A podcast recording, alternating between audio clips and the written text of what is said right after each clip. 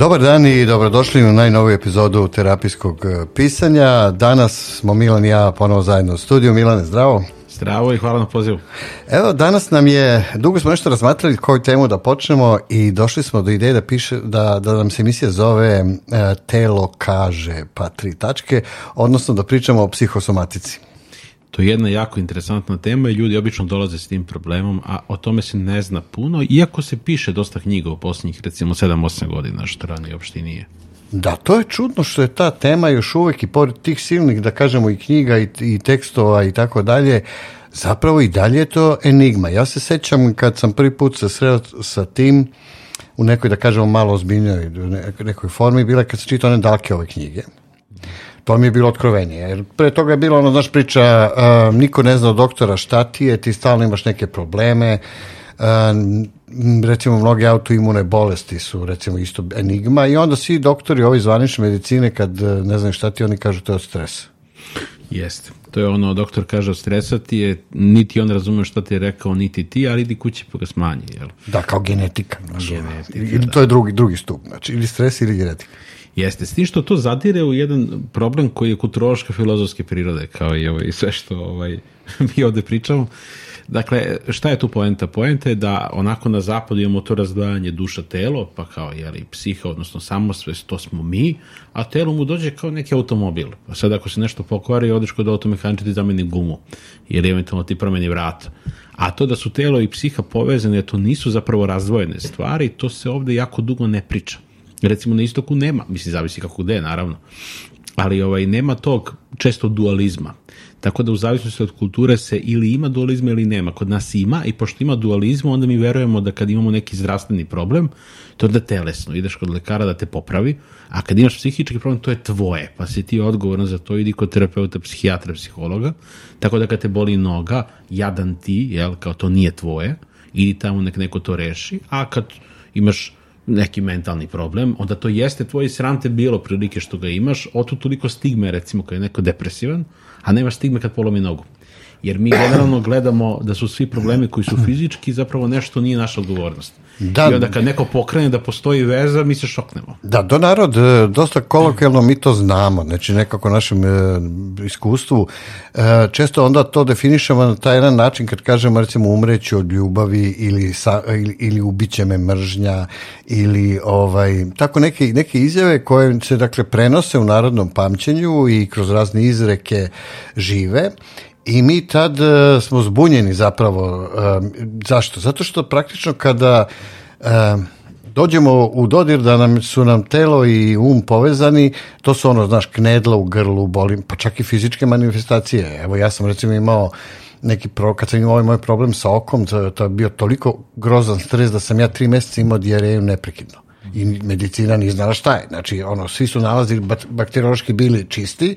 Jedino jedan nalaz je bio to upala creva na, recimo ako je 50 neki, kako bih rekao, normalni uh, status, 500 sam imao, znači.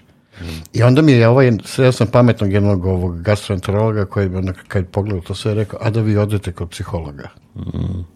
Pa zato što je počelo sa tim stvarima tipa ovo ti od stresa, ovo ti od stresa, pa onda su napravili sindrome, tipa sindrom nervoznog creva. A da, Jer to je jako... Crevo može da su nervosi. Ovaj, a to nema nikakve veze što smo se mi nervozili. To je naš narod znao, mislim, to, to nema šta, samo što je, ovo, ovo, ovo je kao kad nam političari pričaju, živite super, otvorite frižder i vidite ne živite super, e tako i ovo, govore vam, to je sve fizički, a vi vidite da se vama dešavaju stvari zbog stresa. I onda sam, recimo, kaže, usro sam se od straha. Tako. To je, a to je zapravo samo posledica, ili fiziološka reakcija tela na strah. Ja? Tako je, a pritom ta cela priča je vrlo, ajde što, ajde što probija, što se kaže u realnost po znacima navode, pa moramo time da se bavimo, nego što se mi uopšte obraćamo pažnju na to kao kao da to nikad nismo znali da tako nešto može da se desi. Iako to vidimo svakog dana da stres utiče. Zašto se ljudi, e, da li to misliš da baš tog posledica te naše kulture dualizma, ipak na istoku je drugačije, jel? I njihova medicina je drugačije malo postavljena cela i tako dalje. A holistički? Da. Mada pitanje je koliko ovo sad samo do medicine, koliko do potrošačkog društva, jer onda se svelo samo na to da učiš samo kako da reguliš simptome. Uopšte više ne učiš da gledaš uzrok, što recimo još uvek nekad se radilo na medicini. A na istoku se generalno gleda holistički imaju ono kao alergije, šta su, pa sad kako je to vezima sa psihom, uopšte nije tako odvojeno. Telo se gleda kao hram. Da. a ne kao automobil. Da, kod nas se gleda kao automobil. Praktično mi, naša uglavnom zapadna medicina je simptomatska medicina. Da. Jeste. I pritom na sve to postoji problem što i kad priznaju da postoje psihosomatske bolesti, onda to tretiraju kao neko čudo, prilike. Kao mistiku skoro. Tako je.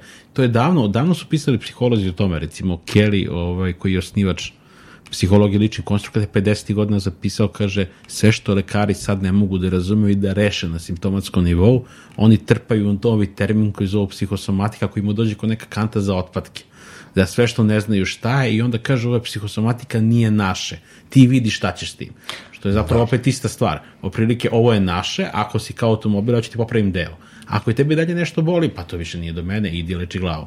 Da, zato ja često volim da kažem, recimo, od kraljica medicine, hirurgija, meni potpuno jasno. Znači, nešto ti se desi, imaš traumu, slomi se gangreon, ti to ceku i to je, to je, to je to. Mislim, uglavnom ti spasu glavu, najčešće tako.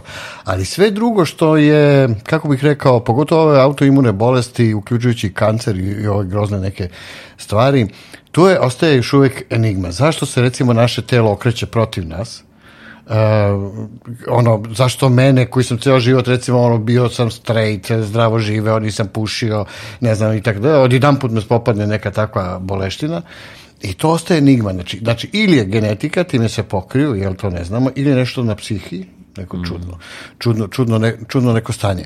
Ali, dakle, mi nekako, čito sam neku vrlo interesantnu knjigu o nastanku kancera i tako dalje, da već pod, tu se sad sve više stidljivo pojavljuju neki istraživači koji zapravo tvrde da je recimo kancer zapravo metabolička priča. Mm. I ta, na ćelijskom nivou, znači da, da naše telo potpuno na, na potpuno drugačiji način.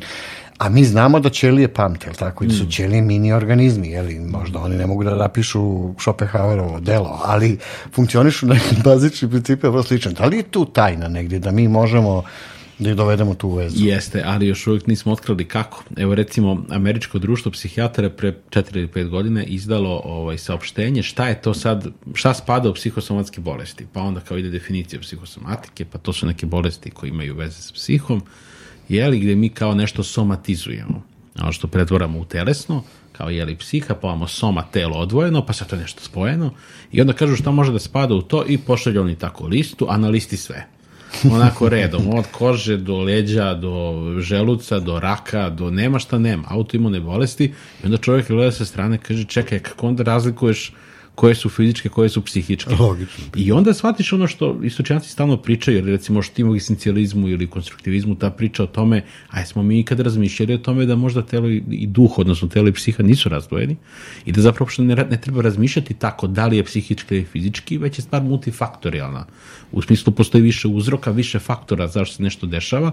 Jedan od njih jeste automobil idi kod hirurga, ali e, ja ljudima obično govorim klijentima da kad smo bili mali imali smo necrtače gde se nekome pojavi čvorugica na ruci, pa onako pritisne čvorugu, čvoruga nestane pa se pojavi na glavi. Evo prilike to je, odeš od hiruga, hirurg to reguliše, evo tebe godinu dana kasnije s novim problemom, niko ne zna zašto, opet ajmo da sečemo i desnu ruku. To je kao u Fordu kada ovaj dolazi da, lekar, da, da, da. lekar da posjeti pacijenta i kaže šta je s ovim pacijentom? Kaže ne znam, kaže nešto ga boli, kaže mi ga tretiramo, njega i dalje boli. Kaže, pa šta ste mu do sad radili? Kaže, pa izvadili smo mu bubrek. Kaže, pa jel ga dalje boli, boli? Kaže, pa onda, kaže, pa levo oko. Pa ga i dalje boli, boli. Pa kaže, šta da radimo, doktore? Kaže, ništa, seci redom. da, neka će da prestane. Da, neka dok ne vidimo tačno staje. Da, da, da. Tako da to je prilike taj metod, znači idi redom, pa ćemo mi to da izbacujemo. A suštinski ceo problem je oko toga kao šta je duša, šta je telo, mi to tako definišemo odvojeno, to nije odvojeno. Ja ne mogu biti pod stresom i da budem telesno dobro. Kao što kad mi se telesno desi nešto uganem, zlobi, ja ne mogu biti psihički dobro, to nisu odvojene stvari. Moje telo je jedinstvo, ja ne postojim bez svog tela, to se antici znalo. To je Epikur govorio, kad bi čovjek mogao da postoji bez svog tela, to znači da bi mogao da živi bez emocija, to ne postoji. Ti osjećaš bol, prijatnost kad te neko pritisne na koži, tako da ti zapravo ono što si ti je dobrim delom definisano kroz procese tela. U ostalom, to se na istoku zna, to je na njihova priča o awarenessu. Znači, mi nismo svesni svega što sad dešava, moje telo radi, moj krvotok radi, ali ja to ne znam. Ja to znam kad me zaboli. I da se mi iznenađujemo kako oni sad meditiraju, pa oni nešto tu osjećaju, pa vide, kako životinja zna da će doći zemljotres, kako zna da je neko bolestan, pa tako što smo mi mnogo u rečima. Mi smo naučili da se mnogo bavimo glavom, a premalo ovom i svojim telom. Da, mislim da zapravo taj, da je awareness ta ključna reč, zapravo uopšte nismo svesni prvo da, tog jedinstva, jel? Mm. A i kad nešto dobijemo, neke tele, znači ja nekako uvek volim da kažem, mi valjda prvo uvek, stvarno najčešće dobijemo telesni signal, to je jedna vrsta alarma, je li tako? Znači da yes. telo zapravo daje alarm kroz te svoje senzore, jeli, za bol i tako dalje, ali se mi često oglušimo to, jel? Pre jedno deseta godina vozim se ja ovaj, taksijem i taksista mi priča svoju tešku životnu priču i na sred Brankovog mosta njemu krene da svetli na lampicu u kolima. I čovek onako gleda i kaže ne, ne, ne, to ne može se da se desi, ja nemam para još da pokrijem i počne čovek da se onako gubi. Ja kažem, vidim ja koliko je sati, ja kažem, dobro, polako, pa možda nije ništa ozbiljno, on uzme čupa onu lampicu, baci i kaže, sad je se u redu. Da, da, i nastavite vozi kola. I to je zapravo vrlo često metafora onog što radimo sa zdravljem. Jeste, jeste. Čak mislim da je kod Dalke da on napisao tu sličnu stvar kad vidimo lampicu, znači mi izvodimo lampicu. A sad šta se tamo događa i dalje nema veze, jel? Ovaj, tačno, da. Mislim da zapravo je, to jeste od tih jednih tajni. Nažalost, to se očigledno danas vrlo slabo tretira, kako u zvaničnoj medicini, tako I tu onda ljudi počnu da lutaju zapravo. E, to je onaj, kako bih rekao, drugi deo priče, kako mi onda kad se srećemo sa takvim stvarima zapravo kuda to vodi i zapravo šta ljudi onda najčešće rade da bi praktično to nekako uspeli da prevaziću.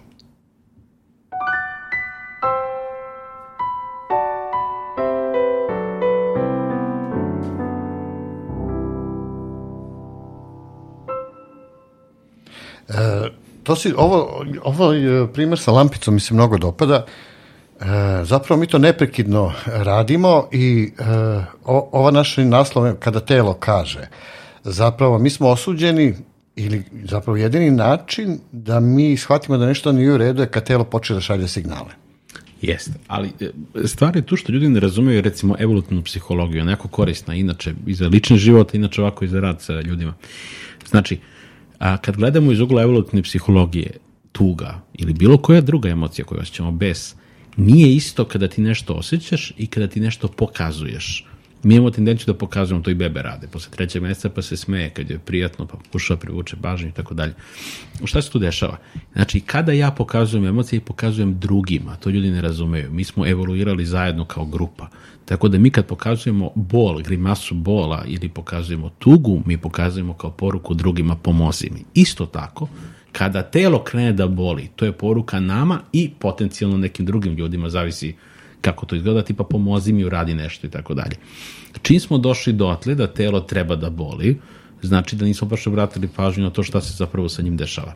E sad, pošto gledamo odvojeno, jel, duh i telo, onda mi nekako ne obraćamo pažnju dok ne zaboli i čitava kultura okrenuta ka tome živi ti uživaj, radi kako god hoćeš, jedi kako hoćeš, pi kako hoćeš, tretiraj sebe kako god želiš, kao kantu, E, onda kad ti nešto zaboli, dođi kod nas da ti damo lek. I to je vrlo problematična stvar. Niko naravno ne čita šta ti lekovi sve rade, pride. Samo ti to pi i bit će sve kako treba. To je pod jedan. A pod dva, postoji statistika koja vrlo jasno govori recimo da zapad i istok variraju u prijavi takozvanih psihosomatskih oboljenja. E sad, to nije samo zato što se recimo manje priča o psihosomatici na istoku, jer oni to gledaju kao deo medicine, naravno ima veze s psihom, kao što bi to trebalo postoji posebne kategorije, ali definitivno neke pojave, recimo napadi panike, ili bilo šta tog tipa, šećer i ostale stvari su daleko veće na zapadu nego na istoku. Zašto? Zato što u našoj kulturi kada imaš problem koji je fizički, ti si oslobođen odgovornosti. To je kulturološka stvar. To je, to je vrlo interesantno. Jer kad imaš psihički problem, odgovornost je na tebi. Tako da ako si depresivan, prilike sram te bilo, ako si anksiozan, opet sram te bilo. Sad manje, jer su svi anksiozni, ili skoro svi, pa je sad malo teže suđivati druge, jer i mi patimo toga ali generalno za psihičke probleme imamo tendenciju da prebacimo odgovornost na druge. Otud oni glupi saveti na Instagramu tipa depresivan si istrči krug i ostale stvari. E, isto tako, jel, iako je depresija naravno multifaktorirana stvar i naravno ima veze sa nama, ali nekako nam je prihvatljivije da kažemo ti možeš nešto da uradiš sa depresijom, nego ti možeš nešto da uradiš sa recimo tvojim nervoznim crevima na primjer. Da, da, da. To je, to je Da, to je ta čudna, opet taj dualizam na delu, e, što ti kažeš, e, e, drugi su krivi, lakše prebaciti, prebaciti odgovornost na nekoga mm. ili neku životnu okolinu. Mada nekada ima objektivnih, recimo, stvari iz spoljne okoline koje te pritiskaju, znači ti hteo, ne hteo, to, ono, rat, mobbing na poslu, neka situacija gdje si došao da ni, ne svojom krivicom, niti bilo kojim na, namerom, da kažem uopšte, ali veliki deo toga otpada na taj naš takozvano kulturalno uslovni unutrašnji svet. Jeste, ali to je zato što se kod nas poisto veće odgovornost i krivica, što recimo pravosuđu nije. Znači, Naravno da mi imamo neku odgovornost ako imamo neku bolest, to se podrazumeva, ali ne i krivicu, ni kod nas seo na stolicu pa je rekao želim da imam sindrom nervozni creva, želim da dobijem rak, mislim, to da, se nije desilo. Ljudi znaju kako je došlo do toga, oni znaju neke okolnosti koje su dovele, ali zapravo svima nama može da se desi to u pravim okolnostima sa povećanjem bespomoćnosti, odnosno toga da naš, mi ne znamo više naš psihički sistem ne zna kako se postavi u nekoj situaciji, naravno će telo da odreaguje. E sad, zašto telo reaguje? Pa zato što usta ne mogu. Ja za ljudima stalno govorim, ako ti ne možeš da kažeš ne, pazi dobro da telo ne kaže ne. Da, znači, to, kad dođe ti, do toga da, da telo kaže naravno, ne, da, onda Ima čak dobar film na tu temu, ovaj, koji je baš provlači tu temu kroz ceo film Serious Man, mislim da iz 2009. godine, gde prilike, ću da spojlujem, ali ceo film gledate čoveka koji je oženjen, žena odluči da ga ostavi, ali on je tako jedan razuman čovek koji, koji jednako se nikad, nikad ne besni. I onda on odlučuje da ga upozna sa ljubavnikom, da se oni svi tako lepo dogovore. Na poslu ga zezaju, u kući ga zezaju, ali on je tako jedan fin i, i dobar, pristojan čovjek koji se nikom ne suprostavlja, tako je divan i ovaj, pravičan i kako film odmiče, vi se nerirate umjesto njega. Ovaj, da što nešto ne preduzme. Tako, za, da, da, da. I kako odmiče, vidite će na kraju da se završi tako što će on dobiti rak. I to je zapravo cijela film jedno razvitak raka. I zapravo to je jedan dobar primjer kako bez ljudi ne razumeju to. Ljudi misle da to mistika. To je kao na istoku, pa, pa ima aura, pa imaš neke čakre, pa čakre su ti u stomaku, pa zato ti je to. A u stvari, kad uzme da se malo medicina gleda dublje, vidite koliko su emocije povezane sa nivom dopamine, serotonina, a, adrenalin, kortizol, hormoni, da, da. kortizol. Ako dovoljno dugo to traje, pa da li stvarno mislite da neće nešto napraviti organizmu? Tako je. Mislim, pritom ljudi ne razumeju kada je čista anksioznost u pitanju, onda je to obično priča o gomeli hroničnih bolesti. Znači, to je onako, želudac, e, creva... Da, to ono i dana klasika, znaš, kad kažu, a, mnogo se nervirao, dobije čirno želudac. Jeste, jeste. Pa to ima čak u našem narodu, to je ta priča kako beše, ono, grizlica. Izgriza se čovjek. Samo Tako treba je. pratiti etimologiju reči, pa da se vidi. Ima puno mudrosti u, u našem ima, narodu. Znači, ima. tu kad smo rekli već eto, čir na želucu i, i slične stvari, mm, u poslednje vreme dosta počelo da se piše o tome kako je zapravo najveći nervni receptor i najveći nervni sistem zapravo stomak. Jeste. I sad je kao, eto, medicina dokazala, jeste, postoje najveći, čak više nego, koliko puta više nego u mozgu. Znači ima tih receptora a, koji su vrlo setljivi zapravo i sad počelo do toga izgledaćemo da odemo mi u gastroenterologiju, znači prevestit ćemo se s mozga na stomak, malo šale, ali zapravo istina da kako ti gledaš sad kada je taj sistem a, a, duša, telo, znači često zapravo stomak prvi reaguje. Jeste. Na istoku, inače u kineskoj medicini i ne samo kineskoj, indijskoj isto, se uvek verovalo da je stomak ključan. To je interesantno, hiljadama godina. Zašto? Zato što su tu smešteni organi za varenje. I kad organi za varenje ne rade kako treba, organizam ne funkcioniše kako treba. To je ključna stvar, možeš da jedeš da bi živeo. A moje objašnjenje toga je vrlo prosto. To je fight or flight mehanizam. Znači, šta se zapravo dešava, to i slušalci treba da znaju, jer tako funkcioniše psihosomatika. Znači, u našem mozgu postoji mali, mali deo koji se nekada ranije zvao reptilski mozak. To je bio naziv za onaj deo koji... To je prvi mozak, onaj, je li tako, tako najstariji? Je, tako je. A to je ono što se recimo desi kada negde može neko premine pa pomeri ruku ili ostane neka ukočena sprtačka, otvori oko i tako dalje. To je deo mozga koji e, najteže umire. I sad on vrši četiri ključne funkcije, ali ono što je važno, što treba da znamo, jedna od tih funkcija jeste preraspodela krvotoka što znači da recimo ja kad se uplašim jako, recimo, i sad meni, naravno kad se uplašim, kad osjećam ću biti napadnut, zbog tog dela mozga, koji je naravno ima veze sa nabručnim železdama i svačim nečim, on preusmerava moj krvotok iz sekundarnih organa u primarne. Šta su primarni? Pa primarni je ostati živ, znači nije primarno da stvarim pljeskavicu. I onda, pošto je primjerno da ostanem živ, meni sva krv ide u ekstremitete i šire mi se zenica. To ono kad ljudi kažu, pobledo je čovjek, jer moj krv otišla iz obraza i otišla pravo u ruke i u noge. Čovjek je brži, čovjek je jači, čovjek bolje vidi, raširuje se zenice. Znači, ali potpuno je spremljen da beži ili se bori. Je, tako, to je, tako je. Ali čovjek više ne vari hranu i pošto ne vari hranu, hrana sedi u želucu jeli, bez krvi koja pomaže da se napaja želudac da bi probario tu hranu. Ili, mu, I- ili mu popuste creva, kao ono da, čuveno. ili popuste creva, da. tako je, tako, tako je, tako je, baš to. To je, ako već ima dobar izraz, vidiš, crevima, jest. lingvistički popuste creva. Popuste creva, jer Da, već da. creva su puna popuste, normalno to više nije prioritet i od straha faktički. To ti sad moraš neko izbaciš iz sebe. A pritom, cijela pojenta je što ako hrana ostaje u želucu i nema dovoljno krvi, ona krene da se raspada. To me se davno pričalo, samo se više ne priča. I pošto se hrana raspada, nivo kiseline u želucu mora da se podigne preko neke određene jeli, norme, da bi stvario tu hranu. I eto nam helikobakterije za koju ne znamo kako nastaje, jel te? I eto nam kile na želucu, jer, jer preskače normalno, jer nema, mora da, mora da pumpa dovoljno kiseline i eto nam čvor u želucu, eto nam problema sa varenjem. Knedla u grlu Eto nam i tome. knedla u, pa, francuski esencijali su 70. godina pisali da je recimo gušenje ili sindrom gušenja ili kad se zatvara grlo, si, a, sindrom toga da ima veze sa kulturološkim onim ja ne mogu da živim ovako, ja se gušim. Znači da treba gledati etimološki reči u nekoj kulturi, a treba probati da se povežu reči. To je vrlo interesantno. Sa I sad recimo ako mi znamo ovaj mehanizam koji si ti rekao, bilo da smo do njega došli iz istočnačke medicine koja ga vrlo neguje, ili evo danas i kod nas se sve više o tome piše, znači prostim fiziološkim, dakle praćenjem kako organizam reaguje, recimo anksiozni si lju- ljudi su onda u mnogo velikoj opasnosti, jer su oni zapravo stalno u stanju povišenog stresa. Jesu. Jesu. I to, e, što ti kažeš, znači, to može da bude, pa da kažemo, relativno neprimetno, jer onda se i njihov taj prag trpljenja pomeri, jel tako, na gore, i onda su oni, u odnosu na neke, ja kažem, uobičajenu normalnu situaciju, i zapravo su oni onda vrlo podložni tim autoimunim bolestima, padu imunitet, jer se imunitet stalno bavi time, imunni sistem, praktično, jel? Jesu s tim što? Anksiozni su uh, povoljni za razvitak svih hroničnih oboljenja, ali za razvitak ubitačnih oboljenja, obično ljudi koji potiskuju bes, po pravilu. Matene. Znači, ne samo anksiozni, nego bes. Bes je ključna emocija.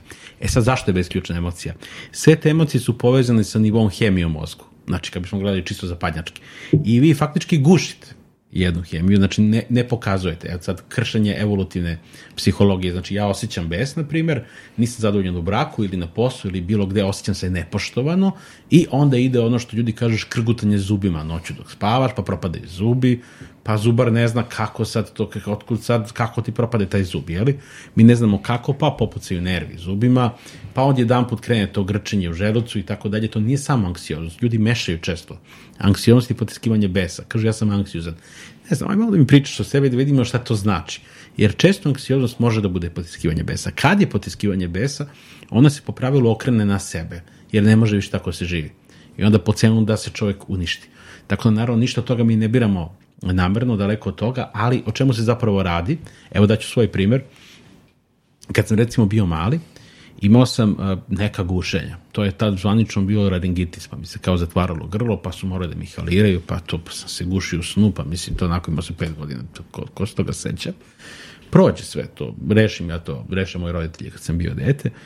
Tad smo živjeli u nekoj kući koja je bila bar por- pored ulice koja je bila onako sa puno onog peska. I to moje majci nikad nije odgovaralo. To je ta ulica, i sve to nerviralo i htjela da se iseli, a moj otac nije htio da se iseli iz toga. 20 godina kasnije meni se vrati gušenje. Znači ja 20 i neko imam, ovaj, meni se vrati gušenje, doktori ne znaju šta je, pa da nije astma, 100% je astma, vidi nisi alergičan, šta je sad? Pa nađu alergiju, pa urade novi test, pa nema alergije, ništa nikom nije jasno. Pio ove lekove, meni nije bolje, odim ja na terapiju i posle ne znam koliko sam si, 50, možda čak.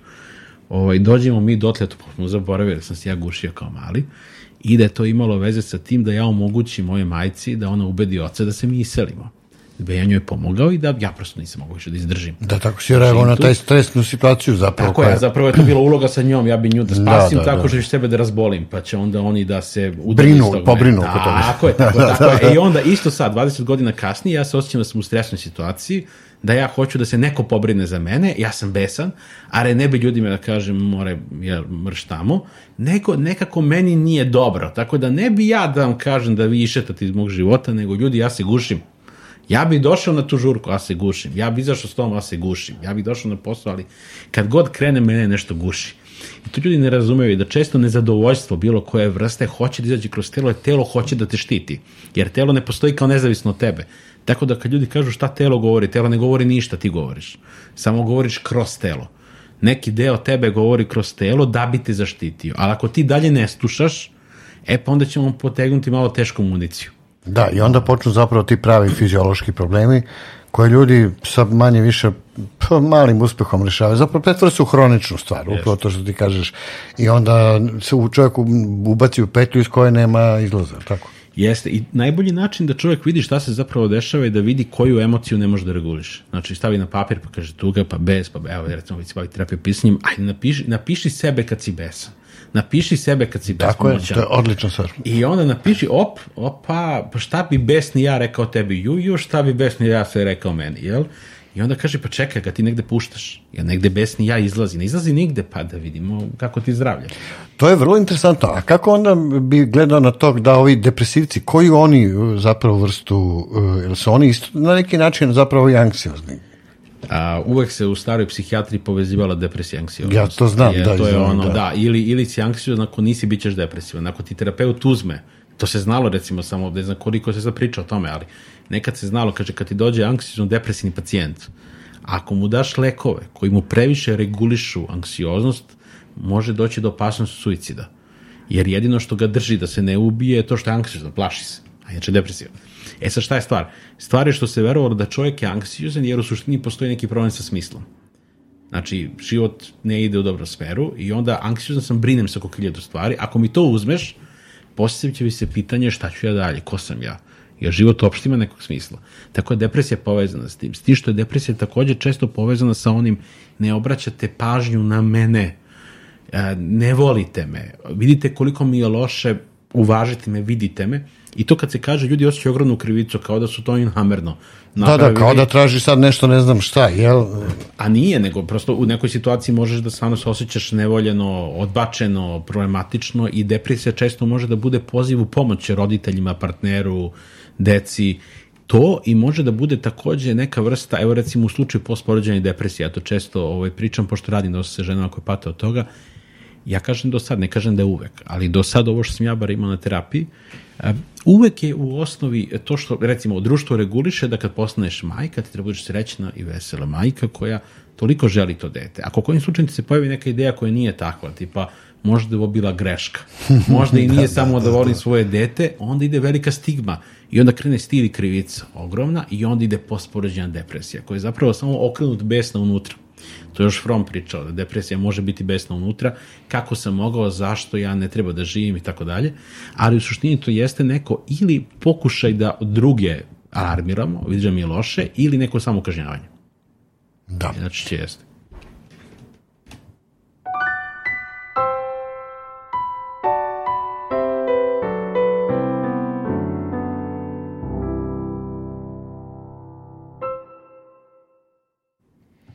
Ljudi, e, danas je najprisutnije zapravo kada ovako, ja ne znam koliko je sad u tvojoj praksi ili kad pratim moje klijente, ali znaš šta, dođem nekad na ideju, grešna mi duša, da pomislim da je biti anksiozan i depresivan postao popularno.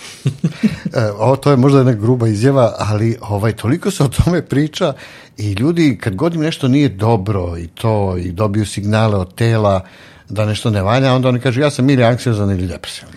E, to je sad došlo do nečeg drugog. Sad, pošto se strašno priča o tome, ovaj, pravi se druga vrsta šteta. O tome priča da moj kolega koji je psihijatar, ovaj, e, Milutin Kostić, negde kako se ljudi kriju iza simptoma. Sad već da. krenuo taj moment. A dobro, to, to je sad, ja to, ja to sad baš sam skoro pisao traume i meni stvarno recimo nekad ide na živce to, kao sad je sve trauma. Pa nije sve trauma. Znate šta je trauma? Da, i trauma je popularna. Jeste. I sad, šta je sad stvar sa tim? Znači, stres, problemi i muke, to nije trauma trauma je nešto drugo, to ne možemo nekom prilikom. Jeste, znaš što, ja sam počeo da izbegavam ovaj, da više, više koristim anksioznost, depresiju, trauma, nego sam počeo da sa klijentima saobraćam tako što ih pitam za njihove životne probleme. Ili kako vi rešavate vaše životne probleme. Znači, životni problemi su postali sad jedna moja zamena da ne bi stalno pominjao te reči, što ti kaže su ljudi e, počeli zapravo da se kriju sad iza toga. Za mnoge čak postoji izgovor, iako ne razumeju šta to znači. Jeste. Znači, ne samo da postoji taj moment kao da ja svaki stres sad svrstavam u anksioznost, nego je problem što ja umem da se Znači, tretiram to kao bolest koja je van mene, tretiram to kao fizičku bolest. Znači, ceo problem sa zapadom je u tome što je razvojilo dušu i telo, pa onda, jel, telo nije do mene, a duša jeste do mene. A nije tačno sve i do mene i nije do mene. U Tako prevodu, je, tako nešto je moje, nešto treba da im pomogneš sa strane. Znači, ako imam problem sa želucem, rešavat ću psihički, a ću ići kod gastro, a ću ići, ne znam, gde piću čajeve, recimo ja kad sam imao anksioznost, ja sam imao problem sa želucem, potiskivanja besa, meni su najviše, najviše pomogli čajevi u tom fizičkom smislu, ali naravno dok ja nisam rešio moj način nošenja sa stvarima, to se nikad i ni promenilo. Međutim, šta je dublji problem? Ljudi sad kreću da psihičke probleme tretiraju kao fizičke. Depresija, to ne veze s tom, to te napalo. Anksioznost, Da, to sam dobio. To, to sam dobio. I onda je problem na terapiji kad neko kaže ja sam anksiozan. Ja kažem, dobro, šta to znači? Kaže, kako misliš šta znači? Pa to je generalizovana anksioznost. Ja rekao, dobro, kako se to kod vas ispoljava? I onda ja kad krenem malo, a, a da mi malo pričate o porodici, o vašem životu, e, dobro, doktore, pusti to, nego da se vratimo mi na moju anksioznost. Kako ja to sad, daj mi ti koliko, dva mi jedno, dve, tri stvari da radim, da to meni nestane. Pa to nije nešto što te je napalo, to nije krpelj Tako na je. koži. To je deo načina na koji se ti noš, to je deo tog psihičkog A sistema. drugi deo priče je da se to rešava o, anksioliticima, odnosno ovim e, le, lekovima različite vrste. Tako, bromazepana je popularniji i slično stvari. To je posebna tema i to ljudi uopšte ne razumeju ni šta piju. A pritom nije problem da se to pije, ja kažem u redu je, znači ako to tretiraš kao neku štaku, tipa mi sad radimo na tome, pa ti to uzimaš da ti bude lakše, Bože, naravno da nego kako to ljudi tretiraju, idem da uzmem, meni je bolje, vidimo se terapeut, onda mi se javi dve godine kasnije, meni je loše, meni leko više ne pomažu, kuku meni, jel?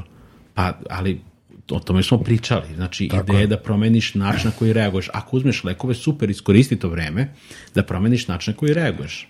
Pa, osnivač e, zapadne medicine je to rekao, neću da te lečim pre nego što promeniš Tako. način života koji te doveo dotle. jel? Da, Hipokrat je. Hipokrat? Znači, to je prosto, ali je ta ideja se uđerano izgubila, znači to više ne postoji. Jel? Pa evo, recimo, ima, ima dobar primjer je Freud, odličan primjer. Znači, čovjek koji je eksperimentisao i kokainom i za morfijom nije znao šta je, naravno. Njegov čuveni zapis kada on kaže, ja se nadam da će nekad u budućnosti postojati lekovi koji će meni omogućiti da pacijentima koji su psihotični, na primjer, ili imaju teške neuroze, da im dam nešto da im pomogne da mogu da funkcionišu ono day to day basis i da mogu da dođu na terapiju da pričaju sa mnom, da iskoristimo privremeno te lekove. Koliko smo se mi pomerili od te njegove ideje, da koristimo privremeno lekove kao supresiju simptoma dok ne rešimo uzrok, u, u to uzimaj ti lekove do kraja života, šta te, ja funkcionišu, funkcionišu. Pa nažalost, znaš, moram da ti, mislim, hoću s tobom da napravim jednu emisiju, a malo sve nešto okolišem, ali ću te uhvatiti za to. To se zove, uh, ima onaj uh, Garrett Wood, on je napisao, on je američki, psihi, engleski psihijatar bio. On je napisao jednu jako interesantnu knjigu o mm, o neurozi. To je jako jedna lepa tema, pogotovo za vas egzistencijaliste zapravo, jer on je polazio od neke osnovne premise da je praktično su mnoge te neuroze koje mi zapravo imamo, zapravo naša nemogućnost da se nosimo sa životnim problemima. Uh, I umesto da slušamo te neke životno iskustveno filozofske savete iskustvene, jeli, koji nas uče kako da se vodi, da se ba i moralno etičkim pitanjima koje stoji za toga, mi smo zalutali u psihijatriju, odnosno le, rešavamo lekovima.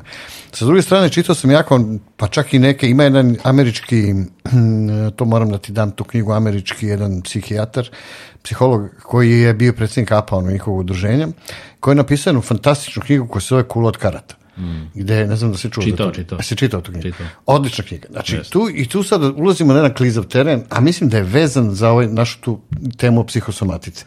Kako zapravo da čovjek e, kada se suoči sa tim svojim nemogućnostima da rešava životni problem, znači loš brak, loše veze, maltretman na poslu, nezadovoljstvo onim čime se bavi.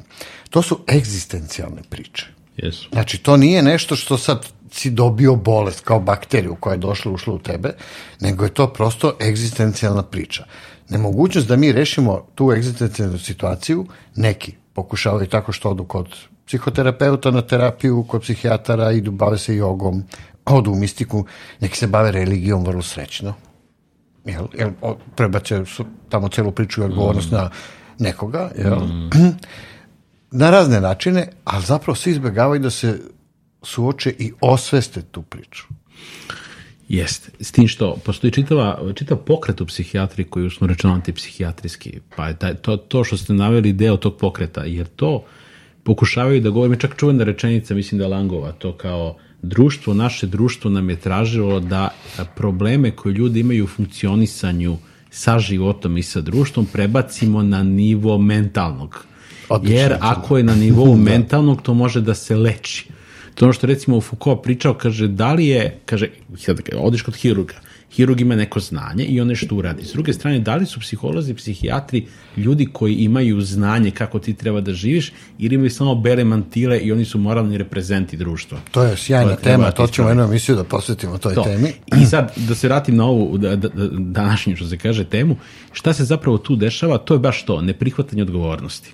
Jer mi poistovećamo odgovornost i krivicu. Ja ne mogu biti, a to je popuno suludo, ja ne mogu biti kriv za moju reakciju sa pet godina. To je popuno suludo, ja nisam imao nikakav, nikakvu odgovornost tog tipa. Ja imam sada odgovornost, da kad vidim to i vidim da mi se to vratilo 20 godina kasnije, nešto uradim sa tim, ali ja ako nešto nisam projektovao i produkovao svesno, ja ne mogu da imam, to je ključna stvar u pravu, ja ako nisam svesno napravio svoju bolest, ja ne mogu biti kriv, ja mogu biti odgovoran, da vidim, čekaj, deo je do mene, ajmo da imamo šta se tu desilo. Tu si u ključno reč rekao. Ja sam skoro gledao jedan jako interesantan film gde je jedna žena došla kod eh, ovaj psihoterapeuta jer je imala problem s detetom i ovaj eh, kroz priču eh, ispostavilo se da je čovek koji bio ljubav njenog života nju ostavio i od tada je to dete počelo da ima problem, ona je pala u depresiju, anksioznost, uzima lekove, grvlji kamenji na njega, da bi doktor kroz priču njenu otkrio da je problem nastao kad su oni otišli u bolnicu oko to deteta trebala neka intervencija i tamo doktori uzmu analize i onda čoveku saopšti da on je otac.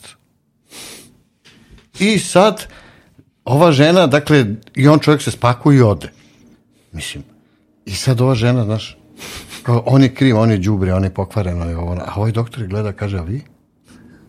A ona kaže, šta ja?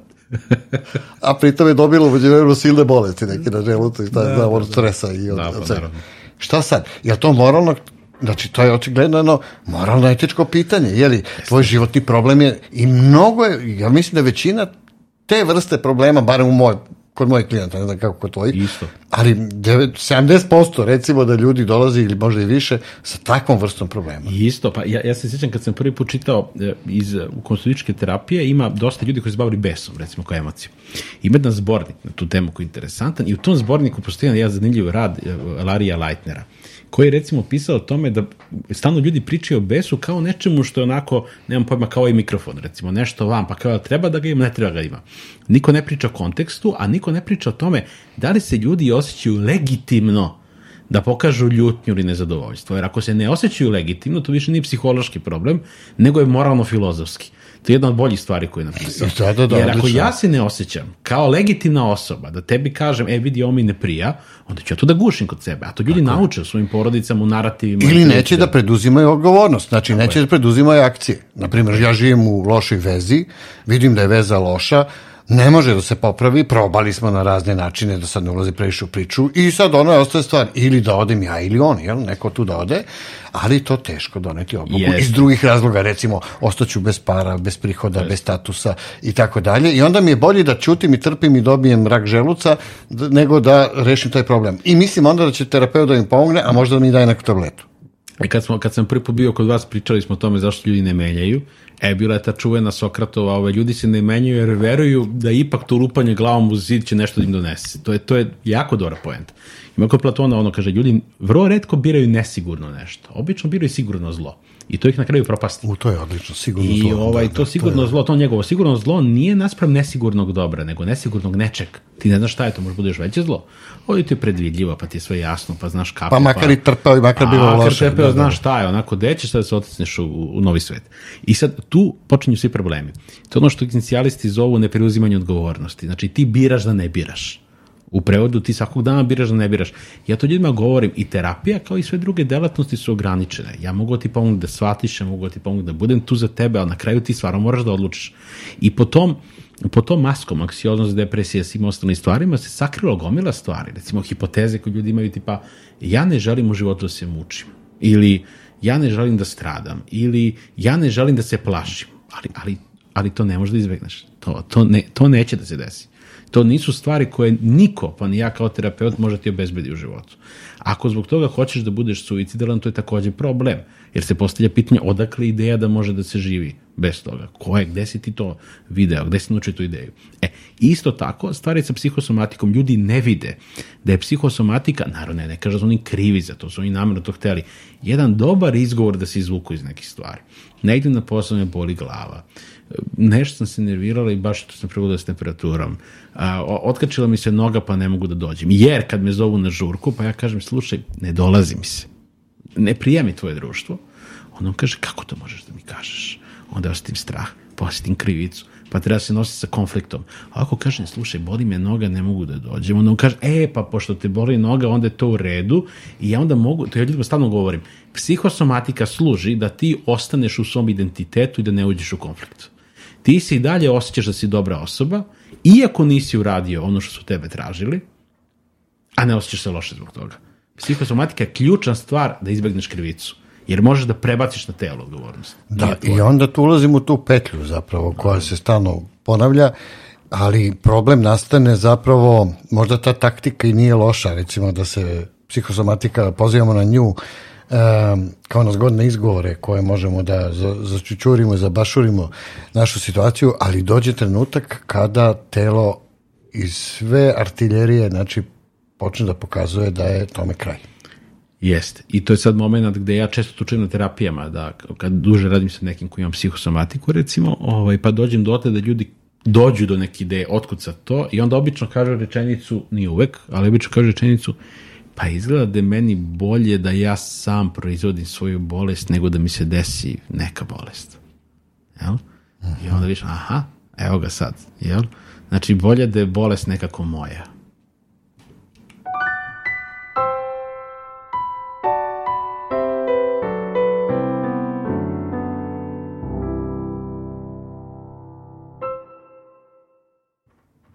I onda dođemo do toga da kad je bolest moja,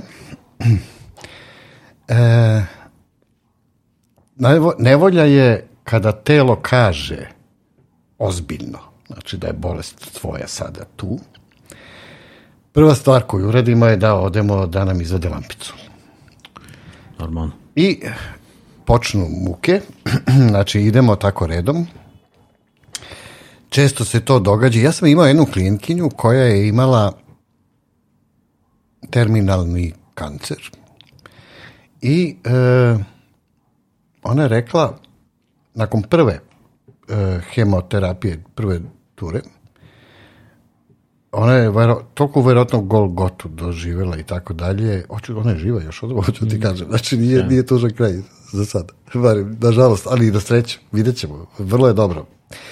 E, I onda je prestala da ide. I rekla, ja ne mogu dakle, da uništavam i razaram znači, telo potpuno. Uz naravno veliko protivljenje lekara i tako dalje, ona je potpisala na svoju odgovornost da, da dalje više ne može, neće, ne može, mislim i tako dalje. I spremila se za svoju sudbinu, tako kako da kažem. Znači, e, bila je svesna, znači rekla, oni su davali možda par meseci još ovaj, života i tako dalje. I onda je ona rekla, ja pošto to sad je tako i prostila se otprilike sa, sa svima ili već kako to sad ne idemo u detalje, ona je rešila živim kako živim i to mi je što mi je i potom se otisnula, počeo da putuje, ide da radi nešto čime se inače bavila i tako dalje. Prolazili su meseci, ništa se nije događalo u smislu ovaj, niti gore, niti loše, čak je primećivala da, pritom se ona uopšte nije bavila ni alternativnim tim, mm. naš metodom, nije išla na Kubu, nije išla ovamo, nije išla namo, nego prosto tako. E, počela da sluša svoje telo, samo je tako rekla. Mm. I ovaj, mic po mic, mic po mic, ona je sad u nekoj fazi remisije, Naravno, ovo ne zvuči, ja ne preporučujem nikome ovo, mm. da se ne, ne, ne naljute mnogi, ali prosto hoću da kažem, znači, ona je potpuno žena otišla u awareness, znači, potpuno se osvestila, kako bih rekao. I shvatila je da je to retroaktivno, to, to je sad naša tema, šta sam ja, šta sve to njoj desilo da bi ona stigla do te, ali to je u trenucima kad nas bolest ozbiljno napadne. Mi počnemo da obraćamo pažnju na sebe onda kad je obično ili kasno ili skoro pa kasno. To je nažalost tako, mislim za većinu nas. Činjenica je recimo, ja imam klijentkinju koja je baš dobar primjer za psihosomatiku, koja recimo kad god priča o ocu, njoj se naduje zglob. I To popuno je neverovatno. Ja bih da. baš volio da vidim kako bi standardna medicina objasnila taj fenomen. Ona sedi priča sa mnom i ovako zglobi se naduje. Po pričam dođe skoro do palca. Onda mi skrenemo temu, njoj se vrati zglob. Ja to posmatram i kažem, bože, ovo je stvarno neverovatno. Šta se ovde sad dešava, jel? A on inače dolazi između ostalog zbog toga što ima problem sa zglobovima. Nije jedina koja dolazi sa tim. Kao zglobovi drle, pa se pune vodom, pa znači, priča oko toga. Ali zapravo šta je stvar? Stvar je u tome da ako mi se pitamo, a što me sad to boli, što u mom životu ne valja, što sam ja nezadovoljna, ajde prvo nešto da promenim, često ljudi kad promene, naprave neke nagle promene u životu, vide da to nestane. Pa dobar primjer, recimo u Francuskoj, ljudi obravo ne Izvini, znaju. ti znaš za onu teoriju koju sad sve više postaje uh, javna, u smislu ljudi pričaju da mi, recimo, često mnogi od te stvari, uh, artritisne varijante, rakove, razne, dobijemo i da ne znamo. Dođu i prođu. E, Ne, naravno, to znamo. To je, pa to- kako da ne? Kako da znaš, ne? E, da, pa možda to poveže sa celom to pri... Evo, Može, primjer, ovo je nevjerojatno. Može, jer evo, primjera radi, pa da, ali primjera radi to može biti neka poruka koju smo poslušali, nismo ni znali da smo je poslušali. To, to, to. E, recimo, dobar primjer u Francuskoj sa onim višestrukim ličnostima, znači ljudima koji su recimo 6 sati jedno, 6 sati drugo, ali ne znaju. Znači nemaju svest jedno o drugom. Ima dobar primjer, ima ih više, ali dobar primjer žene koja je 48 sati novinarka, koja puši, pije, ima visok pritisak i piše članke, i nema naravno sećanje onom drugom životu, a 48 sati posle slikarka koja ima svoje atelje i slika. E sad, kada je novinarka, njoj, njoj pritisak je 160 sa 90, a kada je slikarka, njoj pritisak je 118 Da, da, 60. odlično. E, Ima to stvarni primjeri? Stvarni primjer. Ima šećer od 11 kada je novinarka, a ima šećer od 3 kada je slikarka. I to je čuvanje dokumentovan primer da ljudi nisu znali šta se tu dešava. Kako je moguće 48 sati ti telo bude bolesno, a 48 sati ti savršeno zdrav. I tu se onda postavlja pitanje, ako, na primjer, evo primjera radi, neko ne može da pokaže bes, postavlja se ozbiljno pitanje zašto, s kim je to rastao, gde je rastao, možda imao roditelja koji je bio jako besan, možda ima roditelji koji ugrožavaju, eto recimo nešto što bi mogao da se podvede po priču o traumi. I sad ako sam ja zaista istraumiran i zaista ne znam kako se nosim sa konfliktima, ja nikad neću biti u konfliktu jer se bojim da ću biti kao taj roditelj. I onda šta ja radim? Ja stano gutam, gutam, gutam i pun sam razumevanja i pun sam svega i onda jednog dana kažem, ore, slušaj bre, se nosite se i vi tamo gde sunce ne sija i krenem da pokazujem bes na jednom, to se meni desilo i meni i mojim klijentima često na jednom, opa, želudac više ne boli, opa, nema više mučnine, ju vidi kičma se ispravila. Da, to je ono, znaš što narod kaže, no, idi izventiliraj to negde, idi u teretanu, idi trči, idi, ili što su često, sećaš se, govorili ljudima nezadovoljnici na poslu, baviš nekim glupostima, nađi neki hobi sebi. Jeste. Tih 48 sati gde će pritisak da ti bude 118. Jeste, znači, jeste. taj balans. Ono, sećaš se, u naše vreme naši matorci su pravili vikendice. Mm. Znači, bežali su, jeli, od tog eh, gradskog groznog života, većina je radila glupe poslove koje možda nikad nisi interesovali rutinski, ali su to bile neki ventili koje naše ro- radničko-socijalističko društvo dopuštalo. Znači, tamo oni gaje neke voćke, sede ži, ono, i uživaju, jeli, i tako dalje. Znači, e, bilo šta što čoveka može da e, izvuče iz užasa besmislenog posla, dosadne rutine i tako dalje.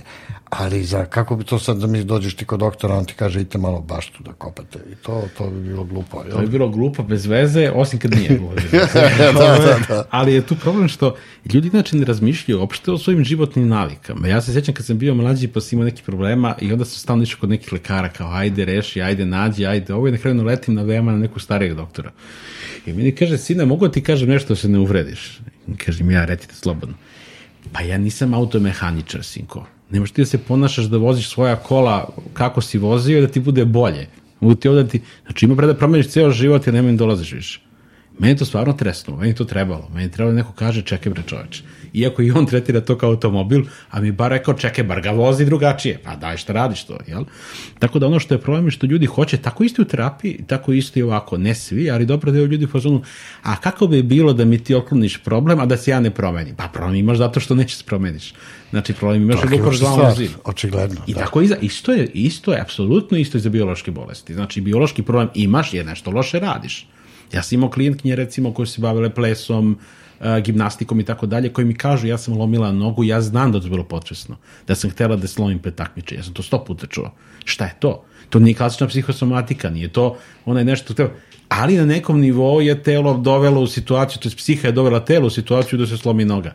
Znači, to su ne stvari koje mi ne razmišljamo, jer kad ona slomi nogu, nju neće dati da pritiska da ide na takmičenje. Tako, ima konkretan razlog zašto da ne ode i to je to. da kaže ne ide mi se jer će da dobije salu, salu napada, krivici i svega.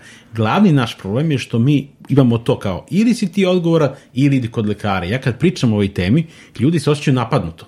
Ti hoćeš da kaže da smo mi krivi. Ne, ja hoću da kažem da je deo do vas i da to vaša odgovornost, kao i za sve drugo u vašem životu. Kao za sve. A ljudi imaju utisak, ja imam bolest, znači nije moje, i da, tako da sam ja onda žrtva svoje bolesti i sad vi treba da mi kažete kako je meni teško itd. itd. itd.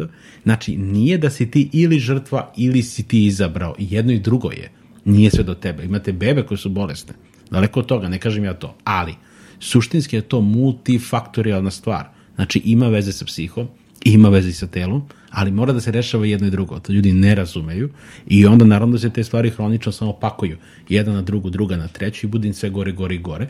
A suštinski, kada promene život, kada promene način na koji se obhode prema ljudima, pa čak i okruženje, kaže, čekaj bre, meni je bolje. Da, ljudi mislim da suviše često mešaju genetske faktore i psihosomatiku.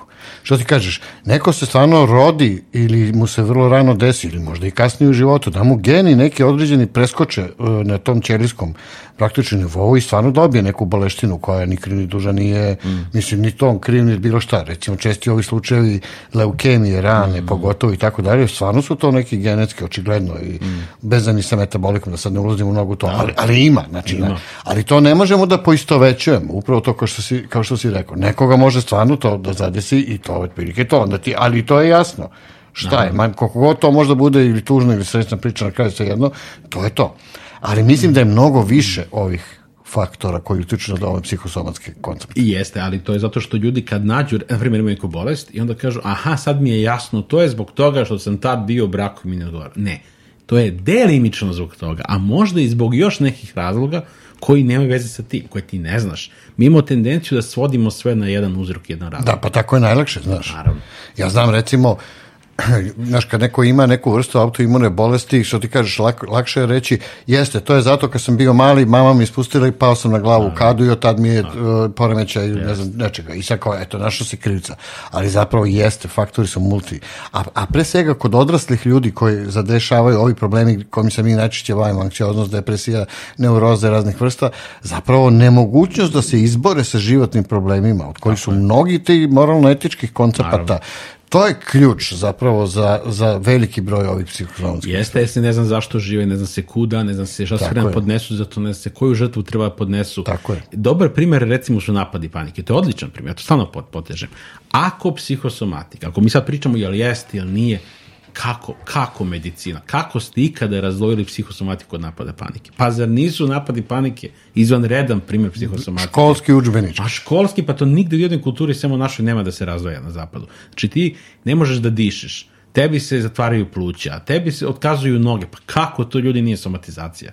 Po kojoj varijanti to nije somatizacija? Pa to je dobar, to je dobar primer da vidiš kako psiha može da utiče, pa nema boljeg od toga. E, šta je problem? Problem je da kad pitaš ljude, pa čekaj, a kuda, a gde bi ti sa svojim životom? Ne znam. Ne, ja bih da zadovoljim mamu, da zadovoljim tatu, da zadovoljim šefa, zadovoljim ovo, a ti? Pa ja bi se osjećao krim da ja probam ovo ili ono. Tako da zato ide bes, jer kad su ljudi mnogo dobri, mnogo fini, to se nekad zvalo u psihoanalizi, kad su ljudi previše socijalizovani. Ima recimo Vinikot, kod nas je mislim da samo jedna njegova knjiga prevedena je bio pedijatar i psihoanalitičar. On je davno govorio o sindrom zlatnog deteta. Ti si dobro dete, ti se nikad ne buniš, ti si dino dete, ti nikad ne lomiš ništa, ti si već u problemu. Kažu da su recimo astma kod dece pogotovo, to vrlo često na psihološkoj bazi zapravo. Evo sad su astmu i alergiju pre par godina sveli na psihosomatiku zdravstvena organizacija svetska. Evo i ovde i sad tu ljudima da kažete, reći će ja pa šta to hoćeš da kažeš sam ja napravio svoju alergiju. Pa ne, neću to da kažem. da, da, da, da. toga. Niko to neće da kaže. Nego hoću da kažem da postoji logično neko valjda objašnjenje što u protekli 20 godina je toliki uspon bolesti. To nije samo zbog, to je to to kulturološkog, nisam ja krivi odgovoran ka prebacim na telo i zbog smeća koji jedemo i zbog vazduha koji udišimo različitih faktora, ali jedan od tih je i taj. Samo što mi nećemo da pričamo o tome, jer nam je lakše da se ne bavimo time. Pa idemo po lekarima, pa i oni lekari kakvi su takvi su, oni ne znam što nam kažu više. Jeste i tu postoji mnogo tih mitova, upravo si pomenuo jedan, taj zdrava ishrana, što je vrlo problematično danas, mm. mislim, što je uopšte zdravo, kad je uliko sve zagađeno i kad živimo u eri gde je zapravo bez industrijski procesuirane hrane ne bi preživjelo čovečanstvo, je tako? Ne mogu svi da jedu piliće koje pasu po ceo dan, da, ne znam, ili šta ja znam, isto potpuno je absurd. Čak je otišlo u drugu krajnost, jeli, ove veganske ishrane ili koje kakve eksperimenti, mislim, potpuno besmisleno. A, ali eto vidiš, i to nažalost, znači, ili ako nije religija, onda je neki New Age. Ako nije neki New Age, onda je e, obsesija zdravom ishranom. A ako nije, znaš, stalno se traži spolni krivac, misleći da ćemo mi takvim nekim promenama fizičkim pre svega, da kao rešavamo tu problematiku. Ali šta je zapravo suština? To bi volao da na kraju e, pričamo. Suštinu da po pogodimo i jednom preporuku kako da se nosimo uopšte sa tim stvarima.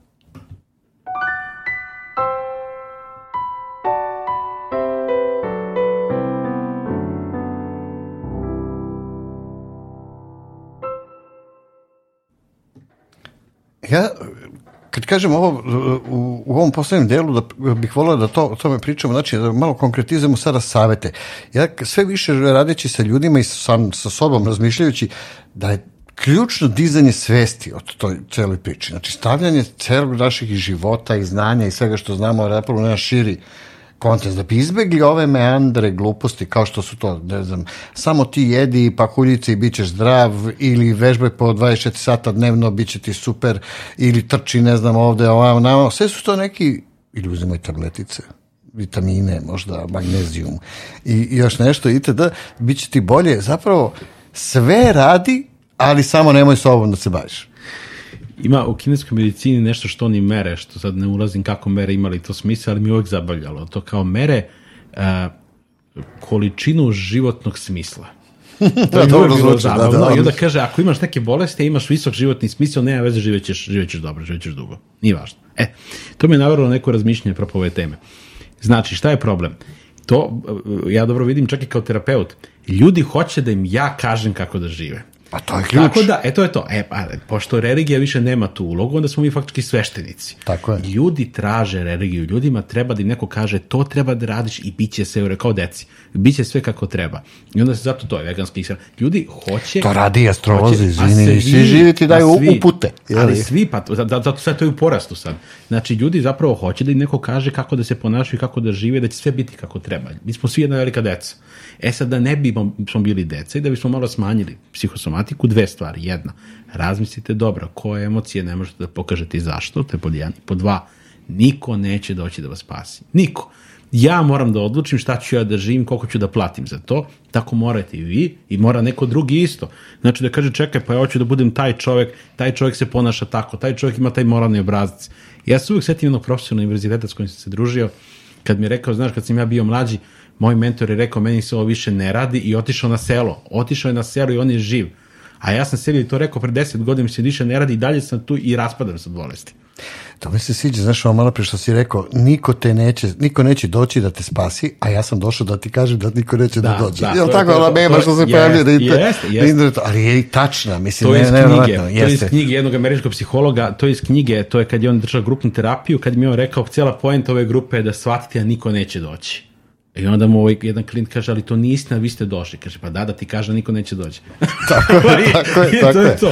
Znači, neko to mora ti kaže. U prevodu poenta je, morate da izgradite svoj vrednostni sistem, morate da imate sliku života za 50 godina. Znam da to zvuči kao ono, ono HR varijanta, pa šta ćeš za 5. Motivaciono, da. da, mi ćemo sad ovako i onako. Da, ne mislim ali... bukvalno, ali mislim, moraš da imaš neku vrstu, ona čuvena, ja zato volim stojke, ima ona čuvena se neki narečenica, kaže, kada ne znaš kuda ploviš, nema povoljnog vetra.